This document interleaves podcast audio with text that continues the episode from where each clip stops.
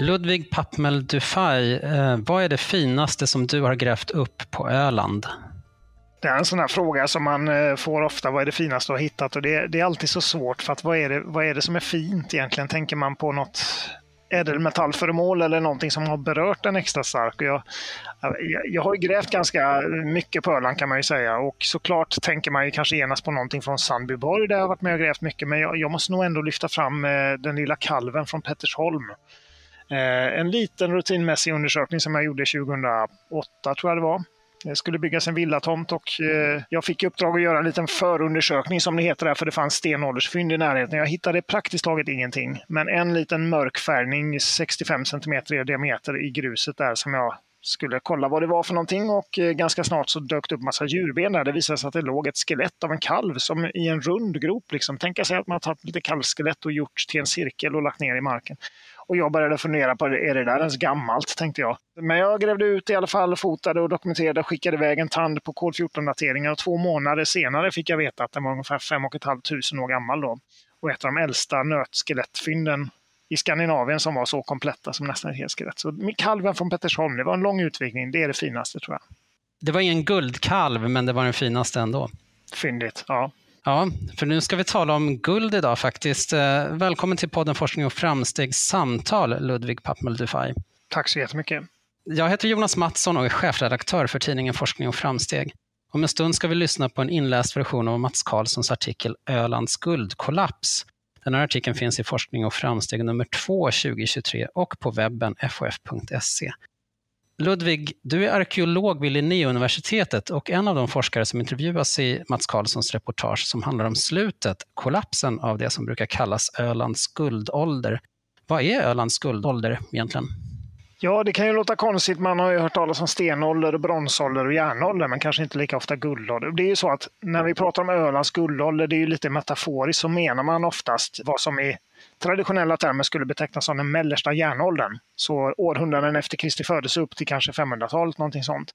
Och att man pratar om det som guldålder, det är dels på grund av det faktum att Öland är Sveriges guldrikaste landskap. Det finns väldigt mycket guldfynd från framförallt från den här perioden och slutet av folkvandringstid, eh, skulle vi säga, i ja, 400-500-talet. Men sen är det också det faktum att eh, de lämningarna som vi har på Öland från den här tiden med gravfält och bebyggelselämningar och sånt visar att det har varit ovanligt tätbefolkat här. Det har bott väldigt mycket människor på Öland under århundradena 2, 3, 400-talet och sådär.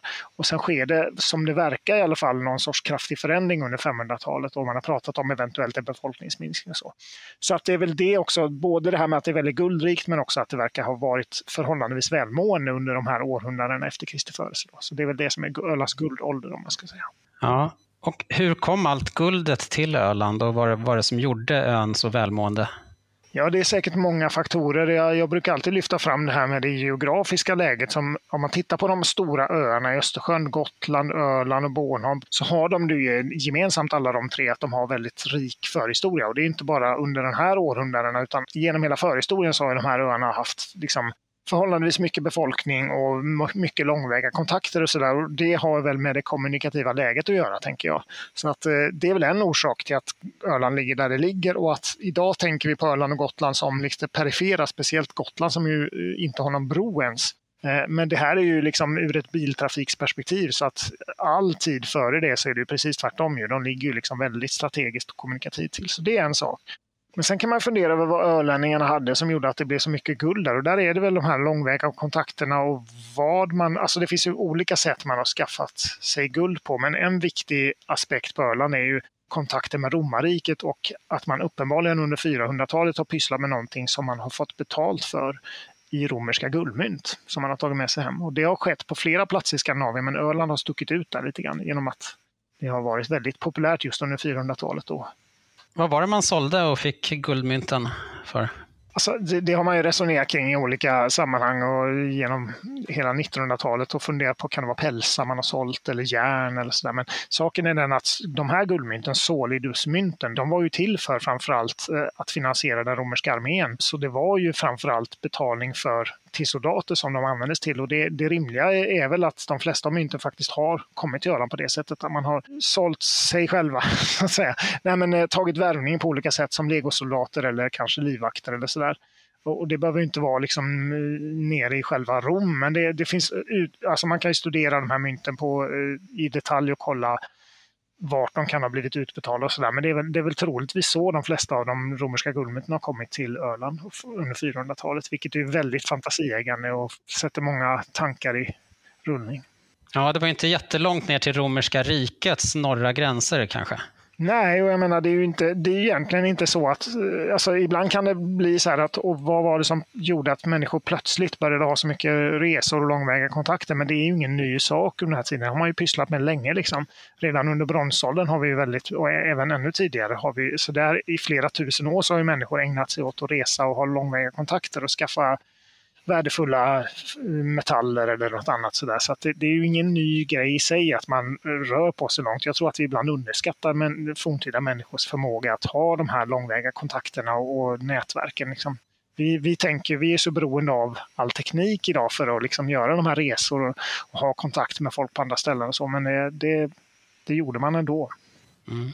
Eh, det finns en idé om att eh, de borgar man har hittat i, i Sverige och på Öland inte minst eh, från den här tiden, att deras avlånga form skulle ha inspirerats av romerska amfiteatrar hur ligger det till med den här teorin? Stämmer den eller finns det någon konsensus eller finns det någon konflikt inom arkeologin kring den teorin? Man, man kan väl börja med att säga att det är ju de öländska borgarna som det handlar om och det, det är så att de öländska ringborgarna de är unika på det sättet att det finns ingen annanstans i Skandinavien, egentligen inte någon annanstans där det finns precis den här typen av byggnader, eh, byggnadsverk, om man ska kalla det för. Det är ovala ringmurar, kallas de ju ofta alla är inte vala, men de flesta är runda eller vala och byggda av kalksten då. Eh, och tjocka, de är kanske 4-5 meter tjocka de här murarna och kanske har varit en 5-6 meter höga och så innanför dem är det då mer eller mindre helt uppfyllt av bebyggelse av stenhusgrunder som i Sandbyborg eller Eketorp. Då. I Sandbyborg och Eketorp är det ungefär 50-55 hus. Och det är framförallt en forskare, Svante Fischer, som har fört fram den här hypotesen då som, om att, eh,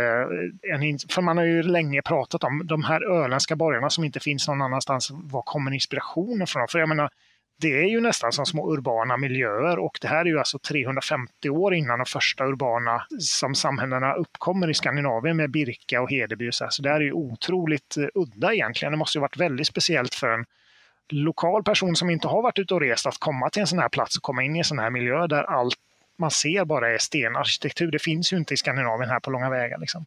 Så man har länge funderat över var kommer inspirationen ifrån och då har Svante Fischer som är specialiserad på forskning kring de här romerska guldmynten och deras präglingar och sådär. Han har studerat romerska guldmynt från hela Europa. Då. Han har då tittat på präglingarna av mynten som hittade på Öland och kollat vilka som är präglade med samma stamp, alltså som är helt identiska då, som är präglade vid samma tillfälle. Och kollat på mynt i Europa och identifierat mynt som då också är präglade vid samma tillfälle som mynt som hittade på Öland på det sättet har han kunnat härleda vart någonstans de öländska mynten förmodligen är präglade då, alltså kunna spåra enskilda utbetalningar.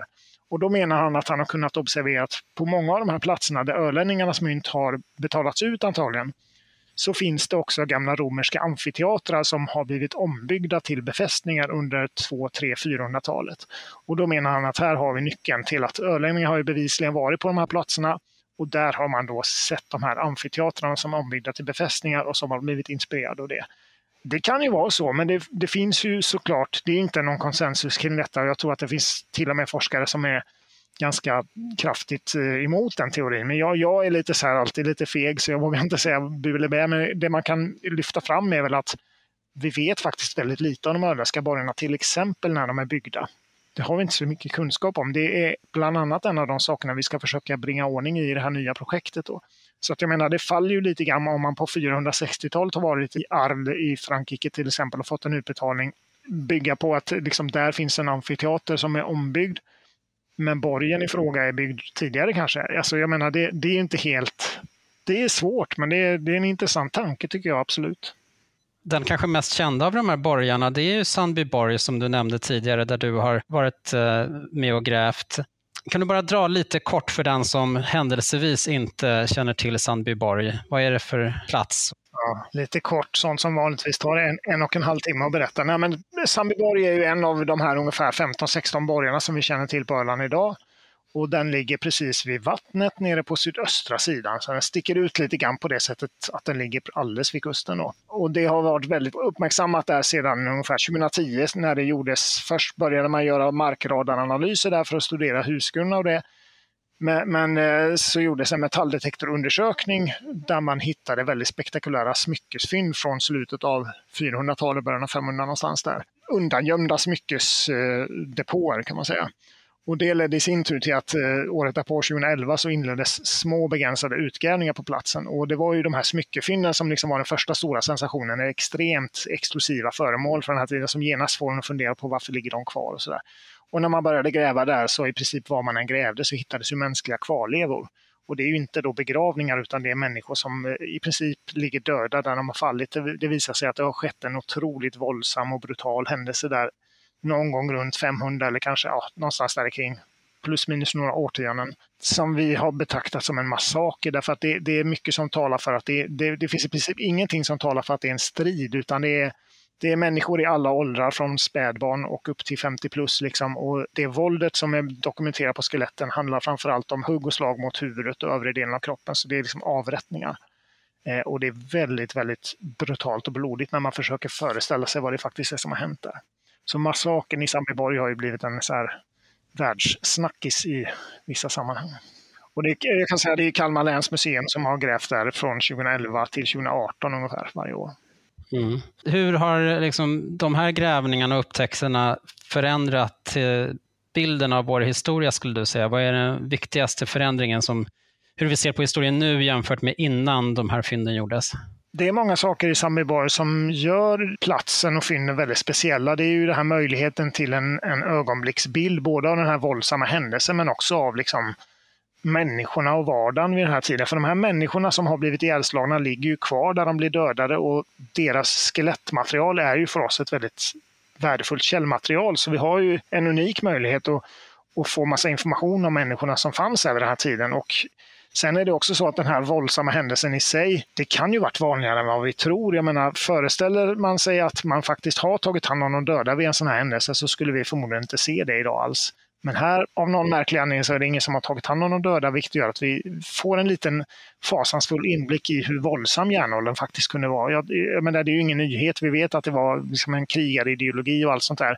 Men här får vi liksom en svart på vitt exempel av en väldigt brutal verklighet som också kanske ger oss ganska många eh, tänkvärda eller liksom reflektioner kring likheter med dagens samhälle. Det är inte så att det sker massakrer till vardags i vår del av världen, men faktum är ju att massaker, är, eh, alltså den här typen av våld, är ju ett politiskt verktyg i många delar av världen idag. Så det är ju liksom det, det, är intressant att fundera över hur samhällen fungerar och har fungerat. Jag tror att det ger ett, liksom, genom sin ovanliga karaktär i materialet i en, en värdefull liksom, inblick i hur samhällen fungerar, förändras och hur våld och konflikter har hanterats i det förflutna. Ölands guldålder ledde ju till en guldkollaps och guldåldern tog slut. Vilka var de starkaste skälen till det? Vilka krafter var det som gjorde slut på det här? Ja, det tråkiga svaret är väl att vi inte, det är mycket vi inte vet helt enkelt. Det är ju sådär, vad, vad vi vet är att under 400-talet så kommer det mycket guld in till Öran och som det verkar så är det liksom piken av det är 460-70-talet och sen upphör det väldigt abrupt någon gång 476-77 eller sådär, i princip i samband med att det västromerska riket faller samman. Och det har man ju då velat se som en kollaps. Många forskare som har velat sätta massakern i Sambiborg i samband med detta, att det blev konflikter som ledde till upptrappat våld och sådär som slutade i den här massakern. Men det är en hypotes, ska man också lyfta fram, att vi egentligen, jag menar, ponera att massakern skedde några årtionden senare än vad vi egentligen tror och då kanske det helt plötsligt är 50-60 år från romarrikets fall till massakern. Så det måste inte ha med det att göra, det kan ha med det att göra den här guldkollapsen, så jag försöker väl nyansera det lite grann här kanske och tänka att det sker stora förändringar som bland annat eh, påverkar liksom, tillgången till ädelmetallen och guld och sånt. Och det är också så att den här perioden, om vi går en bit in i 500-talet, så har vi ju stora klimatförändringar också. Så det, det är väldigt märkliga referenser till vår egen tid. Här vi har både klimatförändringar och eh, vad ska man säga, ekonomisk kollaps med våld och konflikter och sånt där och, och även pandemier faktiskt. Jag menar, är vi inne i 540-talet så är det ju liksom pestepidemi i Europa också. Så det, det, finns många faktorer som speglar lite det som vi brottas med idag. Så att jag tror att den här orsaken till guldkollapsen, om man nu ska kalla det för guldkollaps, så är det väl liksom eh, framförallt romarrikets fall som gör att de, de kontaktvägarna och nätverken som ölänningar hade byggt upp, som var det sättet på vilket de fick ta på det här guldet, upphörde helt enkelt. De nätverken rasade samman i, förmodligen i och med att Västromerska riket föll.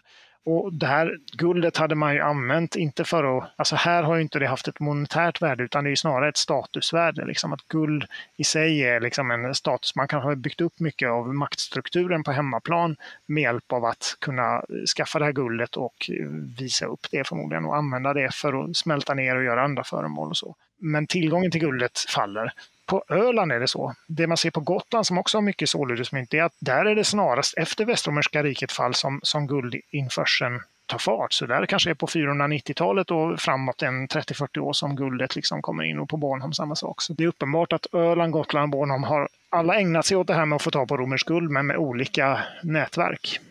Kris, konflikt och klimat, det är namnet på ett forskningsprojekt som drar igång nu. Du nämnde att det är ett nytt projekt på gång som handlar om de här sakerna. Kan du berätta lite mer om det här projektet?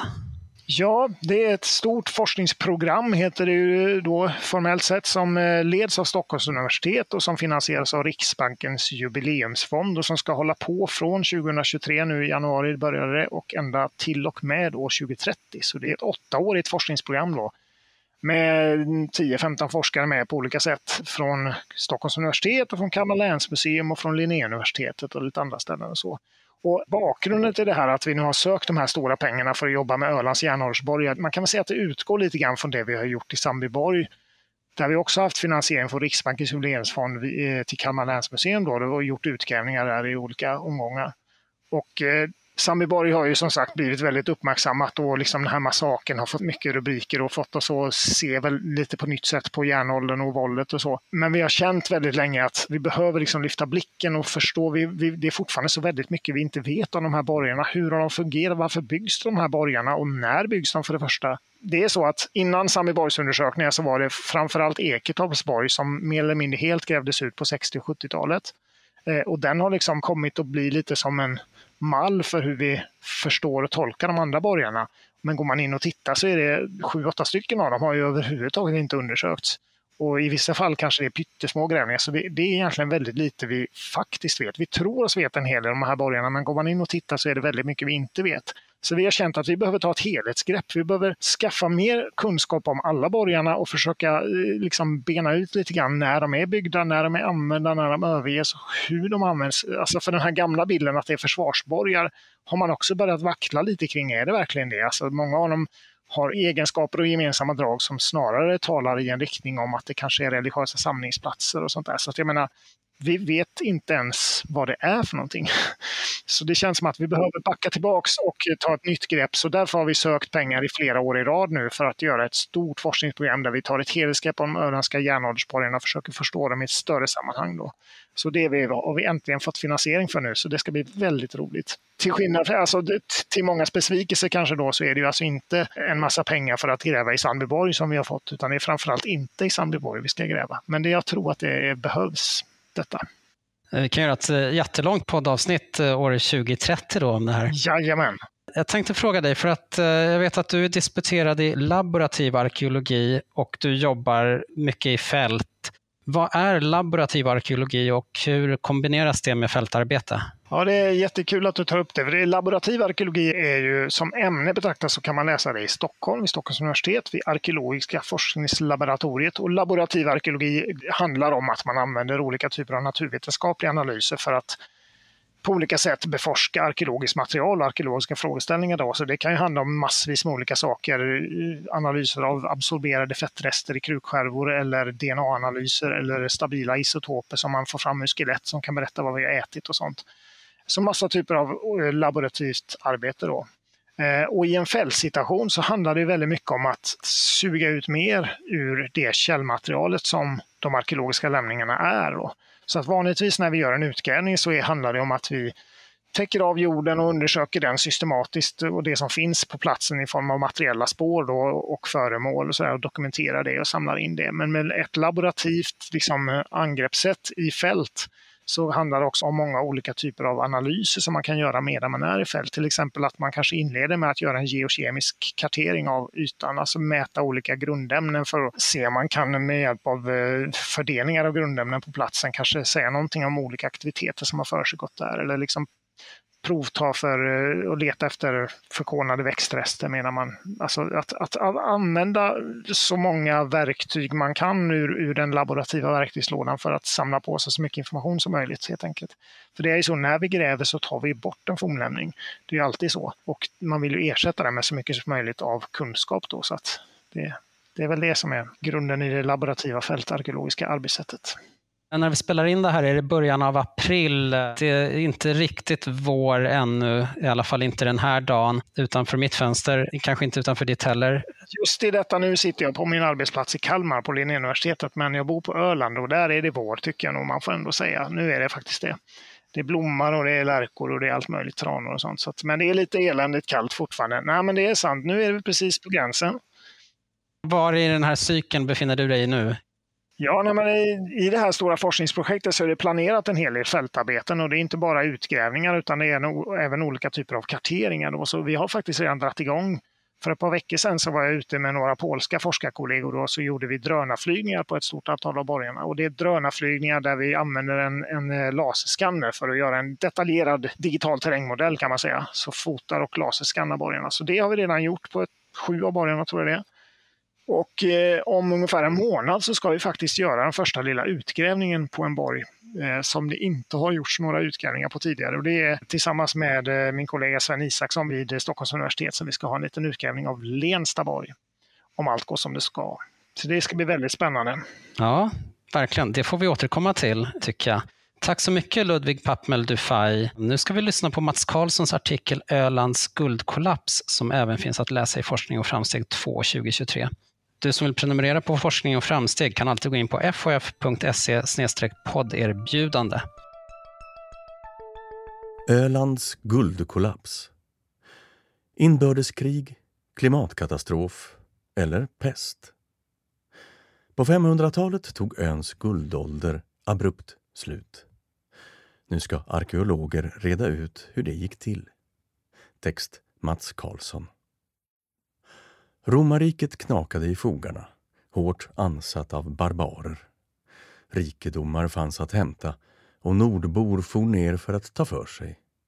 En del tog värvning i den romerska hären, andra stred med motståndarna och tog krigsbyte. De som återvände kom med klingande mynt. Några var ölänningar. De bidrog till ett stort välstånd byggt på romerska solidusmynt soldatens lön. I några generationer blomstrade Öland, visar de stora mängder guldföremål och guldskatter som hittats på ön. Men så kom kollapsen. När det västromerska riket föll år 476 gick Öland samma väg. Guldflödet ströps nästan över en natt. Det följde missväxt och pest. Interna konflikter blossade upp och snabbade på fallet. Myntpåsar grävdes ner och Ölands guldålder blev kort. Det tänkbara scenariot har tecknats efter upptäckten 2009 av massakern i Sandby borg som ägde rum vid skiftet mellan 400 och 500-talet. Upptäckten gjordes efter larm om plundring som fick arkeologer att rycka ut för att rädda värdefulla föremål. Skelett hittades genast efter människor som mött en våldsam död medan värdeföremål lämnats kvar. En mindre del av borgen har sedan dess grävts ut vilket väckt global uppmärksamhet. Tack vare att alla Solidusmynt inte hade smälts ner och blivit smycken eller andra lyxartiklar har man kunnat datera när guldet kom till ön och koppla det till händelser i omvärlden. Forskare har skisserat relationer och konflikter men saknat medel för bredare analys tills nu, när en stor tvärvetenskaplig satsning drar igång. Projektet Kris, konflikt och klimat ska pågå i åtta år. Nu ska vi utforska allt utom Sandby borg. Vi vill försöka se hur man hanterade svåra kriser med Västroms fall, vulkanutbrotten 536 och 542 som skapade missväxt på norra halvklotet och sedan Justinianska pesten, säger projektledaren Kerstin Lidén, chef för arkeologiska forskningslaboratoriet vid Stockholms universitet. Redan före projektets start kom de första ledtrådarna från labbet vid sidan av osteologiska analyser som visat på ond, bråd död. Anders Göterström, professor i molekylär arkeologi som deltar i projektet, DNA-analyserade sju individer från Sandby borg för en annan studie.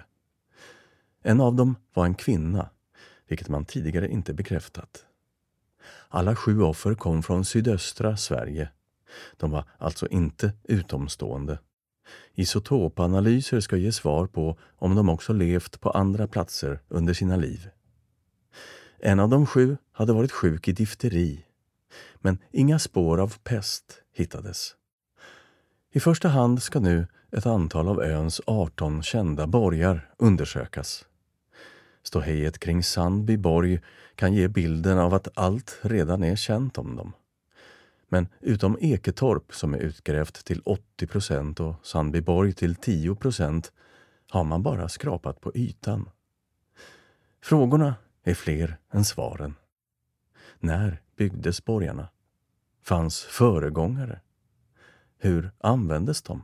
När övergavs de? Gick det fort eller tog det tid? Var det inbördeskrig? Inträffade fler massakrer? Vi kommer att fokusera på fyra till fem borgar. Att bo i ett sådant mini-urbant samhälle var då något nytt i Skandinavien, säger Helena Viktor som samordnar Riksantikvarieämbetets forsknings och utvecklingsverksamhet. Det var folkvandringstidens dynamik som lockade henne till Öland efter att hon utforskat samma period i Västmanland. Till ön kom hon strax efter upptäckterna i Sandbyborg där hon blev en av två utgrävningsledare. Planen är nu att undersöka åtta outforskade borgar och gräva ut sju delvis utforskade med start 2024. Bårby, Gråborg, Löt, Vedby, Triberga, Hässelby och Sörby borg.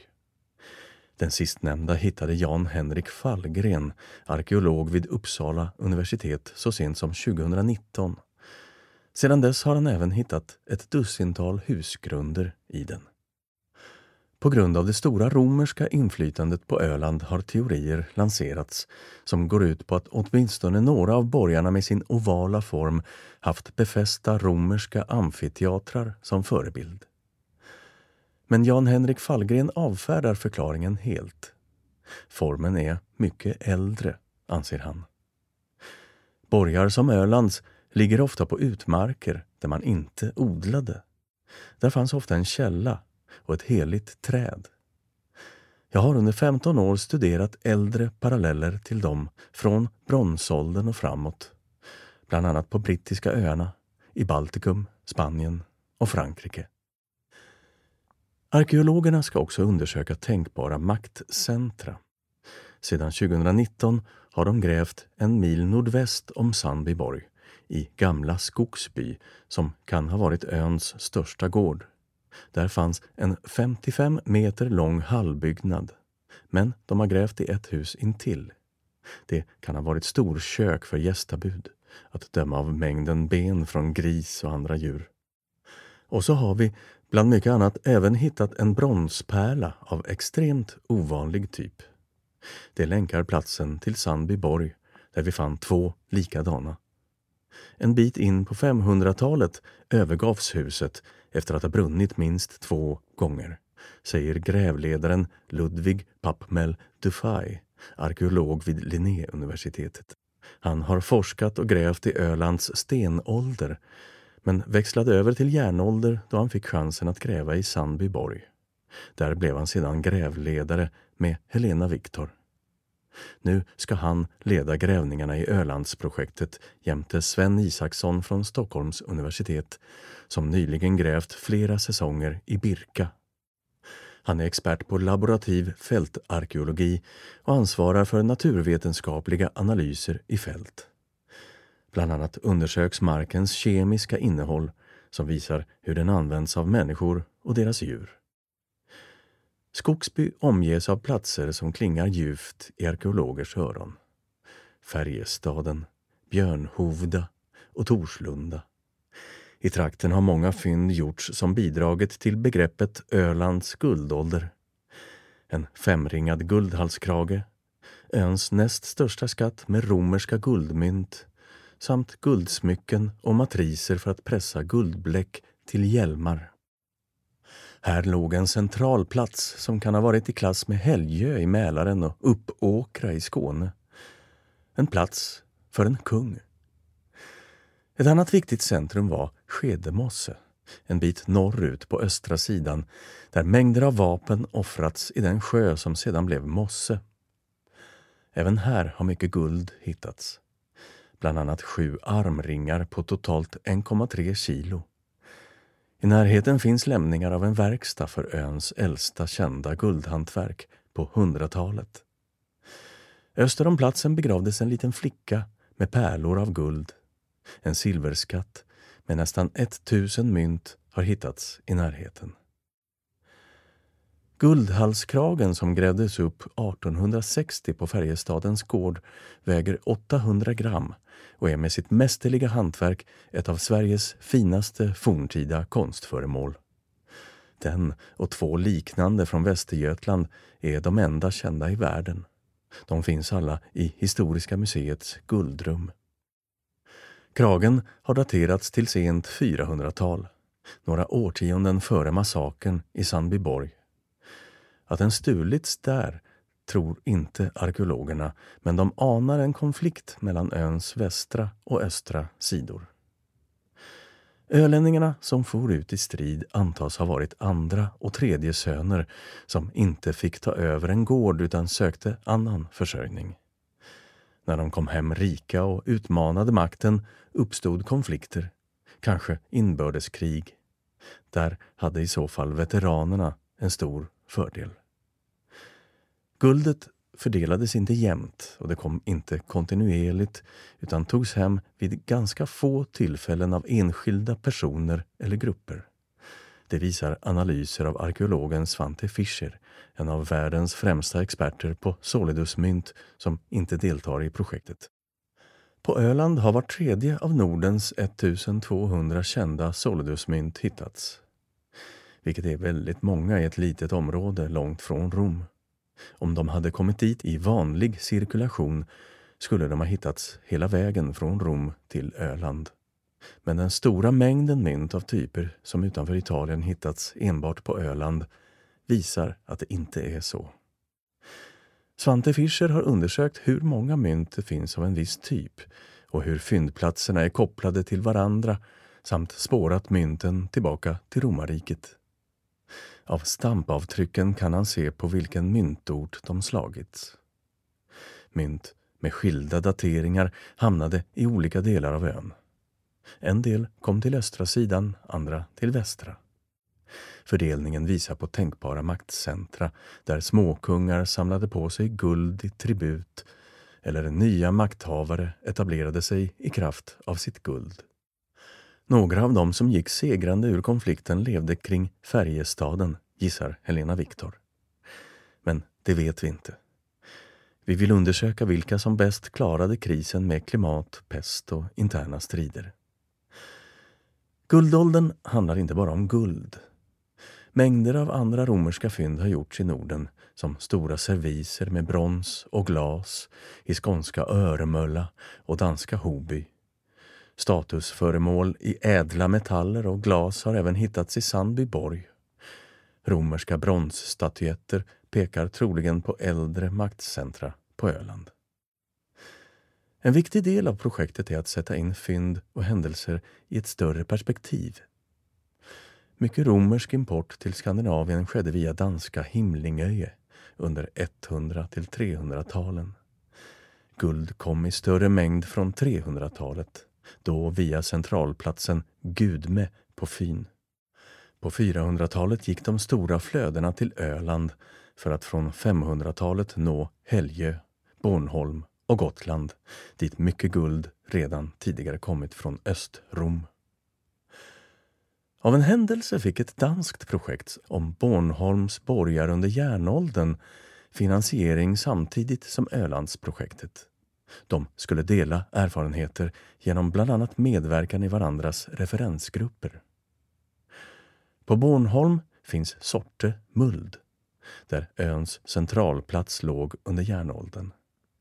Här har hittats 3000 av världens 3500 guldgubbar. Pyttesmå figurer stansade i lövtunna guldbläck som sannolikt gavs i tribut till småkungar. De har också hittats i Sverige, flest i Uppåkra men även ett dussintal i Eketorp. Ölandsprojektet börjar med att den kunskap som finns om borgarna sammanställs. Det kompletteras med kartering i fält. Detaljerade höjdkurvor mäts in med lidar, luftburen laserradar. Markradar ska avslöja strukturer under jord medan geokemiska analyser visar hur marken använts. Utifrån det väljs vilka borgar som ska grävas ut. Helena Viktor är övertygad om att projektet kommer att ge mycket ny kunskap. Jag hoppas vi kan få se vilka som bråkade med vilka och få en större bild. Att fånga in Östersjöaspekterna med kontakter i norra Polen, Baltikum och Bornholm. Men inte minst ska vi ta fram en kronologi. Först när vi förstår vilka händelser som varit samtida och inte kan vi på allvar diskutera orsaker till bland annat massakern i Sandbyborg. Du har lyssnat på podden Forskning och framsteg samtal. För att prenumerera på Forskning och framsteg, gå in på fof.se podderbjudande. Inläsningen av artikeln är gjord av Iris Media och medverkade i samtalet gjorde Ludvig Pappmel Dufay, arkeolog vid Linnéuniversitetet. För ljudteknik, klippning och vignett står Per Dahlhjelm. Jag heter Jonas Mattsson och är chefredaktör för Forskning och framsteg. Tack för att du lyssnade.